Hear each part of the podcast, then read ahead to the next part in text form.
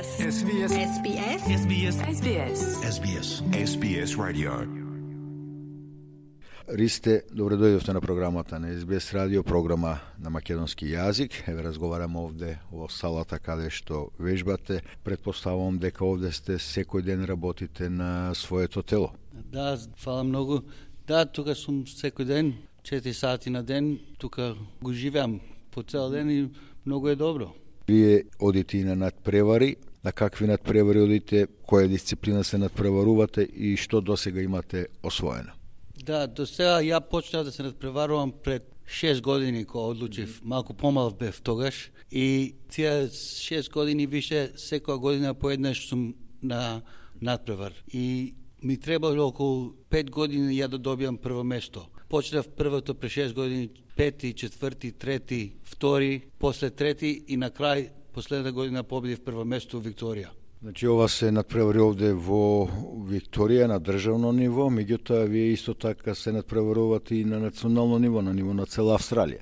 Да, и после кога ќе победиш тука во Викторија, ако си добар enough, знаеш, одиме за National Championships и Nationals е стално у Квинсленд. И мора, знаеш, да, на авион да, да се качиме и да одиме и таму да се превруваме.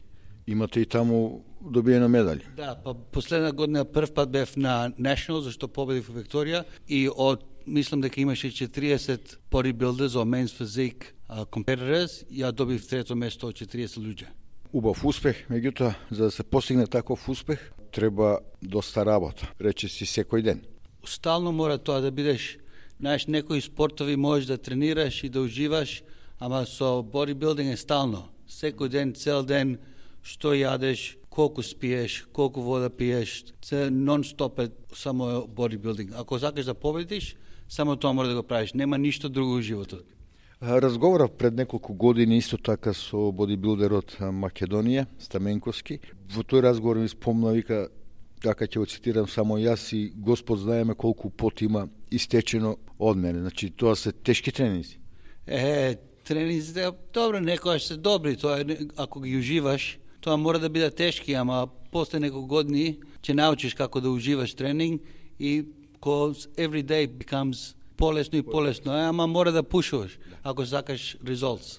Добро, ќе ќе ни објасниш малку подоцна како да се ужива во, во тој тренинг, како да биде полесно. Меѓутоа сега, зошто се решивте на на бодибилдингот? Што ве навлече да да почнете со бодибилдинг? Ја само 6 кила бев пред 7 години и ги гледав овие наш на интернет и, и сакав малку да имам мускули, ама и сакав, зашто карате вежбав кога бев помал, и сакав да имам уште у спорт. И бодибилдинг беше зашто одам на тренирање секој ден, пробав бодибилдинг и добар бев, ама не бев толку добар да победам. И кога почнав не може да престанам. И сакав да победам сите знаеш 6-7 години и само се имам концентрирано да го освојам тоа прво место. И со среќа последната година го победив.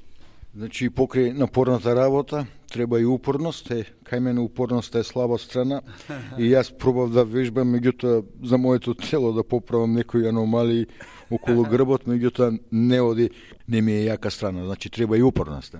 Да, па мора да бидеш ам, 100% у тоа. Иначе, ако си 30% или 40%, си го трошиш времето. Значи, мора да бидеш е појако од било кој друг спорт. Знаеш, кој фудбал кој играш, имаш може да се релаксуваш.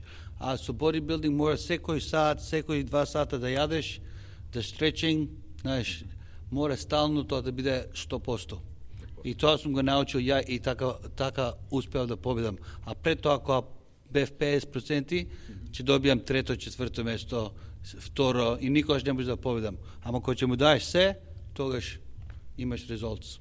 Да, секако сега во бодибилдингот да речеме па како и во секој спорт, замешана е веќе и- науката, тука и храната. А од каде користите она литература, речеме, или за да вежбате, за да дојдете до некој мускул, до идеален да биде и тоа, користите сознание од интернет, искуство од други бодибилдери, како се снаоѓате на план? Па со ова мора мора да имаш коуч. Не можеш сам и да гледаш на интернет и се да знаеш која пробаш да губиш килажа, да, да мускули да ставиш, мора да имаш некакво instructions. Ја, мојот којч го гледам еднаш неделно и само ми кажува дали идам у, у погрешен успор или дали right way, wrong way. Знаеш, и тоа е многу импортно да го видам, да ми каже добар си оваа недела, keep going. Или не вежбаш убаво, прави го ова. Значи мора да имаш некои instructions, иначе сам не можеш. Секако тука важен сегмент ја спомна и ете и предмалку во неколку наврати и исхраната. Редовна исхрана, квалитетна исхрана, мислам дека е доста важен елемент во бодибилдингот. Па, тоа е најважно, затоа овој спорт е многу потежок од другите, со што можеш што сакаш да јадеш кога си активен и играш баскетбол или сокер. А со ова нема веќе колку си активен, мора се да броиш што јадеш, се да биде напишено на на едно писе пепер, на, на хартија, и мора да го следиш секој ден. Значи, секој два сати мора да јадеш, нема опшин. Кога промашиш едно јадење, значи тој денот си го зезнал целиот ден. Значи, е многу, многу импортен колку јадеш, колку протеин јадеш и колку carbohydrates.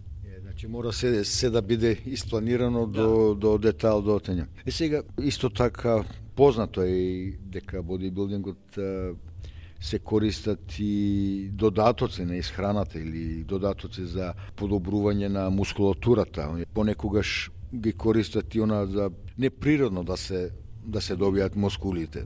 Па. Значи имам овде и некои легални субстанци, има и легални стероиди кои е допинг. Зависи колку сакаш. Ние не сме тука во Австралија толку големи да направиме демедж на телото. Може тоа се у Австралија да се направи naturally и да ги добиеш резултите. Ја пет години вежбам naturally и ги добиам резултите, ама подолго треба да вежбаш, појако и, и време мора да му даеш. Не може да се направи една година ако го правиш легали. И не треба да правиш демедж на телото, ако имаш dedication, тоа ќе го сватиш тоа без тие supplements. И Подобро е кога си healthy body и mind, че учуваш, учувствуваш многу поба ако си natural. Накратко да ни кажеш како изгледа еден ваш тренинг, еден во текот на денот. Па одма кој ќе станам се бале, кој ќе отворам очи, си ја зимам мојата кафеин pre-workout, тоа ме буди околу 6 сабале, одам на тренинг, еден и пол сат, дигам тегови. Знаеш, не на 100% heavy, околу 80% од мојот максимум. И после после еден и пол саат тегови, мора секој секој ден без да го промашиш кардиовескула и еден сат да идеш или на ова walking или на байк, било кој е кардиовескула. Значи тоа ти се два и по сати и после тоа ако ќе завршиш околу 30 минути седам усона. сона секој втор ден. Значи тоа некојаш сум тука по 3,5 сати. Ако многу го сакаш и сакаш да, да победиш, че тоа времето поминува така. И се чувства кој да пола сат и на, и на крај уживаш у сона. Значи тоа е она што сакав да прашам како да изгледа еден тренинг, ама да уживаш во во тренингот и така е секако полесно. Меѓутоа, зговорав и литературата вели дека и вежбањето, бодибилдинг, на помага на телото, меѓутоа помага и го слободува и умот, да, го освежува. Тоа ментали мене знаеш кој ќе кој ќе одам на тренинг некојаш не сакам да одам, не ми се оди, малку сум не се чувствувам убаво, а секој пат кој ќе завршам, нема веза колку долго сум тука, кој ќе излезам од овде, кој нов човек сум. Не сум сум добил нешто, знаеш, сум achieve something. Знаеш, и знам дека за денеска завршено е и дома сега храната ќе си ја направам, секој два сати ќе ги има мојот кокошка и орис, некојаш ред мит и орис, ама истото јадење го јадам и многу симпл.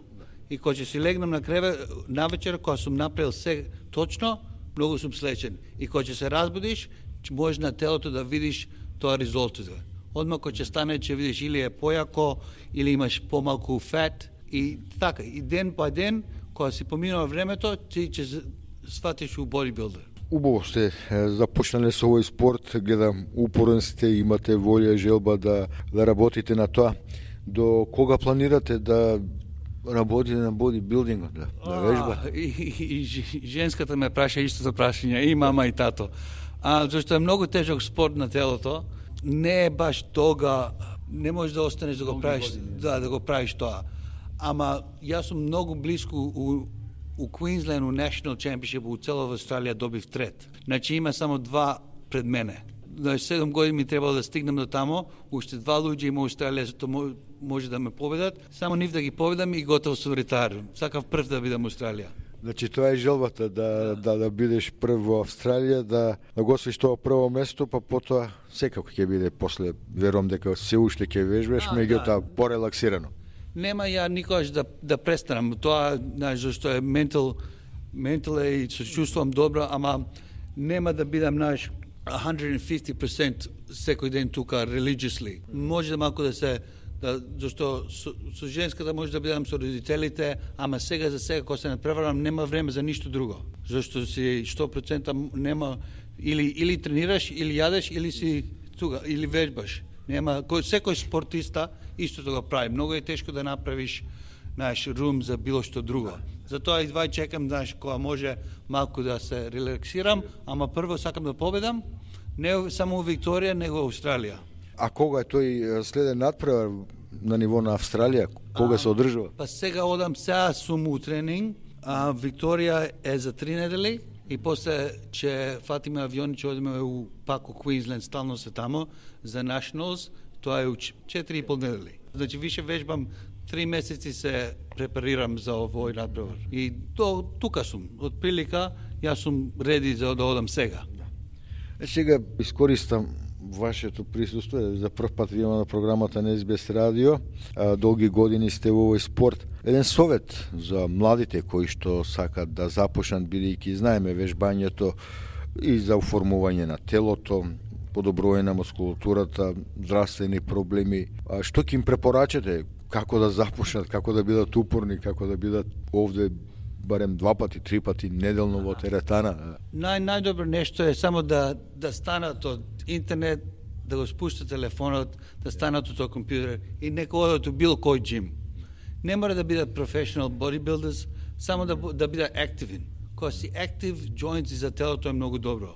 Знаеш, за мускулите и после, знаеш, после неколку години, ако сакаат малку повеќе, серијс да бидат надпревари можат. Ама само и без тоа, bodybuilding е one of the best sports there is. Ја многу го рекомендувам. Значи, степ by степ да станете влезете у джим и и пола сат го може, 15 минути, проба еднаш, два пати и после полесно е полесно. Значи само влези унатре и и ако не вежбаш, оди на на the bike од stairmaster, бира cardiovascular и после така почни. Ама многу рекомендирам ја тоа. Ристе, благодарам за разговорот. Ќе ве ослободам да вежбате, да ги извршувате вашите обврски и секако успех во работата и успех на престојните надпревари, па да го освоите и тоа посакувано прво место. Фала, фала многу што дојдете овде да видите мој джим и како ние тренираме и, и ве благодарам многу. Да, и ќе видиме, може пак ќе се видиме за 4 недели со медал. Да, секако се надам дека ќе биде покрај вашите гради. 100% ќе има мерил, само треба да видиме кој е прво, второ или трето. Па, Белким ќе биде првиот. Да, се надеваме. Благодарам. Thank you, thank you. SBS. SBS. SBS. SBS. SBS. SBS. SBS Radio.